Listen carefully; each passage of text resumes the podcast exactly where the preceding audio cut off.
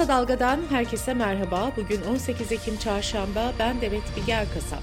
Gündemin öne çıkan gelişmelerinden derleyerek hazırladığımız Kısa Dalga bültene başlıyoruz. İstanbul Anadolu Cumhuriyet Başsavcısı İsmail Uçar'ın Hakimler ve Savcılar Kurulu'na gönderdiği yazı gündemdeki yerini koruyor. Başsavcı İstanbul Anadolu Adliyesi'nde bazı hakim ve savcılarla ilgili rüşvet, iş takibi, aracılık ve usulsüzlük iddialarını dile getirmişti. Uçar'ın HSK'ya başvurusunu Bir Gün Gazetesi yazarı Timur Soykan gündeme getirmişti. Soykan'ın yazısına ve ilgili haberlere ise erişim engeli getirilmişti. Adalet Bakanı Yılmaz Tunç, başsavcının ihbar dilekçesindeki iddialarla ilgili müfettiş görevlendirildiğini duyurdu. Başsavcının yazısında adı geçen hakimlerden Sidar Demiroğlu da 16 Ekim'de Hakimler ve Savcılar Kurulu'na bir yazı gönderdi. Anka Haber Ajansı'ndan Sinan Tartanoğlu'nun haberine göre Demiroğlu verilmeyecek bir hesap olmadığını belirterek kendisinin ve akrabalarının ekonomik durumlarıyla sosyal hayatlarının incelenmesini istedi. Demiroğlu ayrıca HTS kayıtlarının da en ince ayrıntısına kadar incelenmesini talep etti.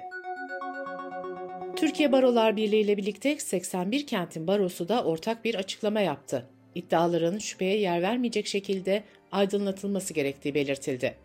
Tüm barolar sürecin takipçisi olacaklarını vurguladı. Bu konu CHP lideri Kemal Kılıçdaroğlu'nun da gündemindeydi.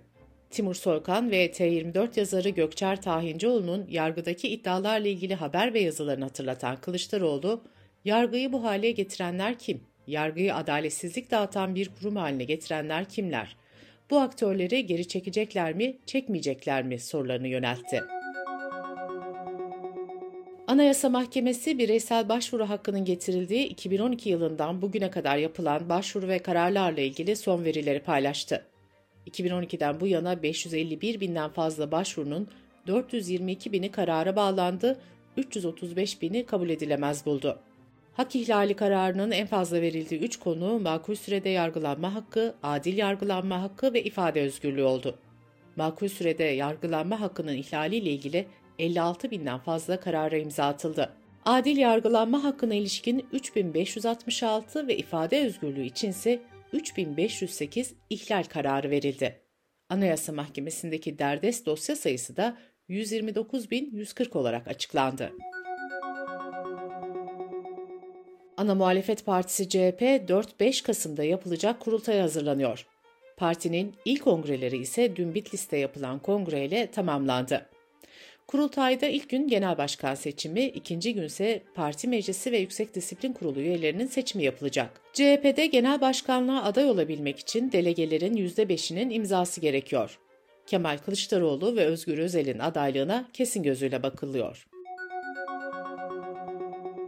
Metropol Araştırma Şirketi ise kurultaydan önce CHP Genel Başkanı Kemal Kılıçdaroğlu'nun seçimden sonraki tavrını ve kurultayın olası sonuçlarını seçmene sordu. Sözcü yazarı İsmail Saymaz'ın aktardığına göre Kılıçdaroğlu'nun seçimden sonraki tavrına ilişkin katılımcıların %48'i CHP'ye zarar verdi dedi. %11.1'i ise Kılıçdaroğlu'nun CHP'ye güç kazandırdığına inanıyor. Ankete katılanlara kurultayda Kılıçdaroğlu'nun kazanması halinde seçimin nasıl etkileneceği de soruldu. %46'sı muhalefetin başarı şansını azaltır dedi. %28'i ise başarı şansını artıracağını düşünüyor. İyi Parti 21 Ekim'de Ankara'da 6. kuruluş yıl dönümünü kutlayacak. İyi Parti Genel Başkanı Meral Akşener Milli Yükseliş Beyannamesini açıklayacak. Akşener yerel seçime 81 ilde kendi adaylarıyla girme kararını da bir kez daha vurgulayacak. MHP Genel Başkanı Devlet Bahçeli partisinin meclis grup toplantısında HDP ve devamında kurulan partilerin kapatılmasını istedi. İçişleri Bakanı Ali Yerlikaya, kafes operasyonları kapsamında 56 ilde düzenlenen operasyonlarda 150 şüphelinin yakalandığını açıkladı. Şüphelilere tefecilik, nitelikli dolandırıcılık, ihaleye fesat karıştırmak, resmi ve özel belgede sahtecilik, parada sahtecilik gibi suçlamalar yöneltiliyor. Kısa Dalga Bülten'de sırada ekonomi haberleri var. Cumhurbaşkanlığı hükümet sisteminin 2024-2028 dönemini kapsayan 12. Kalkınma Planı meclise sunuldu. Kalkınma Planı üzerinde görüşmeler 23-24 Ekim'de yapılacak. Planda 2023 yılı enflasyon beklentisi %65 olarak kaydedildi. 2028 yılı için ise enflasyonun %4.7'ye düşmesi hedeflendi. Plan dönemi boyunca 5 milyon ilave istihdamla işsizlik oranının da %7,5'a gerilemesi öngörülüyor. Planda ayrıca 2053 yılı için tedavüldeki tek paranın dijital Türk lirası olması öngörüldü. İnsani Gelişme Endeksi sıralamasında Türkiye'nin 2053 yılında ilk 20 ülke arasına girmesi hedefleniyor. Önümüzdeki 30 yıllık dönemde ise yoksulluğun tamamen ortadan kalkması bekleniyor. Petrol fiyatlarındaki dalgalanmayla birlikte akaryakıt fiyatları da değişmeye devam ediyor. Motorun fiyatlarına 2 lira 23 kuruş zam geldi. İstanbul'da motorinin litresi 39 lira 62 kuruştan satılıyor. Türk İş Genel Başkanı Ergün Atalay yeni bir asgari ücret komisyonu kurulacağını söyledi. Bu masada asgari ücretle otursun biz oturmayalım diyen Atalay, komisyonda iki kadın ve iki erkek olacağını da belirtti.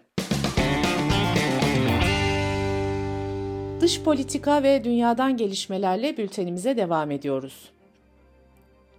İsrail-Hamas çatışmalarında 11. gün geride kaldı. Gazze'nin orta kesimlerindeki Nusayrat ve Şatı mülteci kampları İsrail tarafından bombalandı. Kentin doğu kesimleri de İsrail topçu atışlarının hedefi oldu.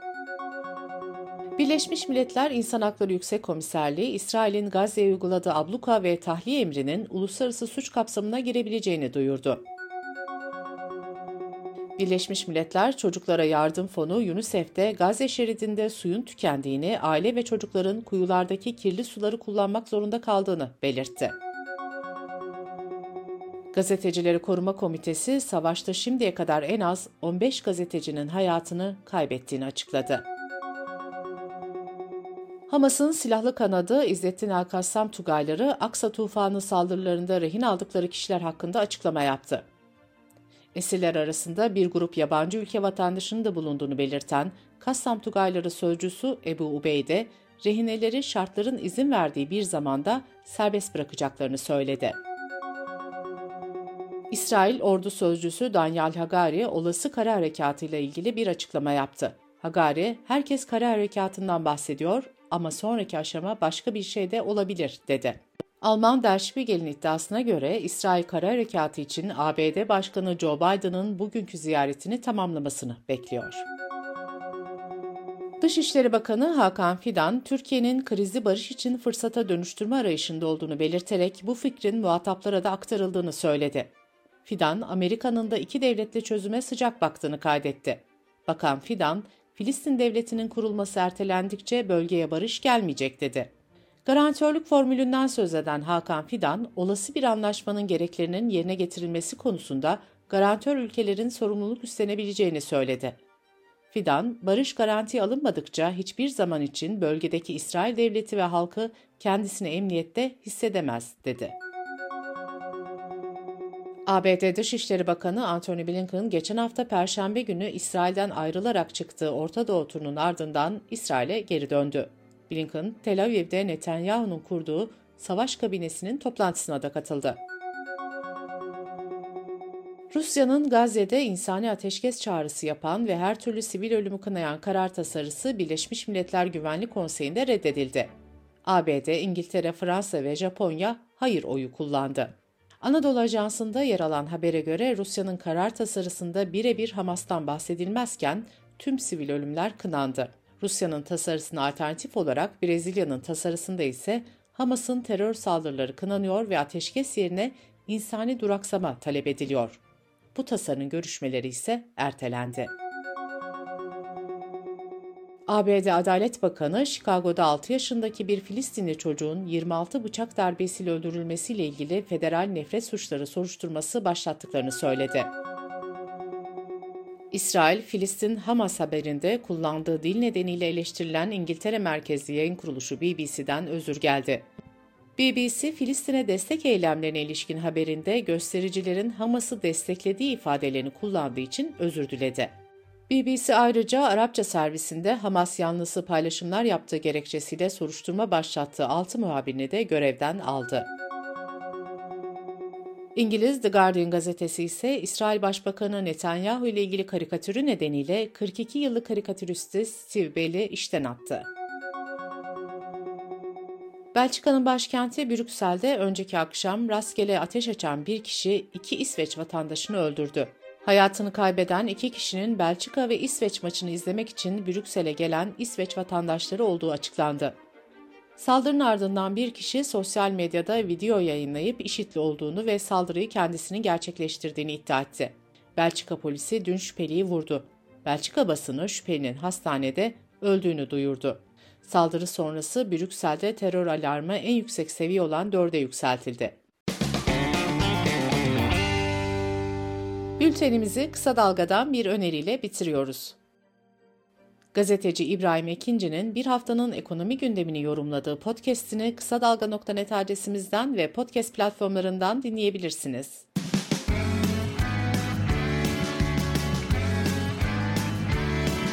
Kulağınız bizde olsun. Kısa Dalga Podcast.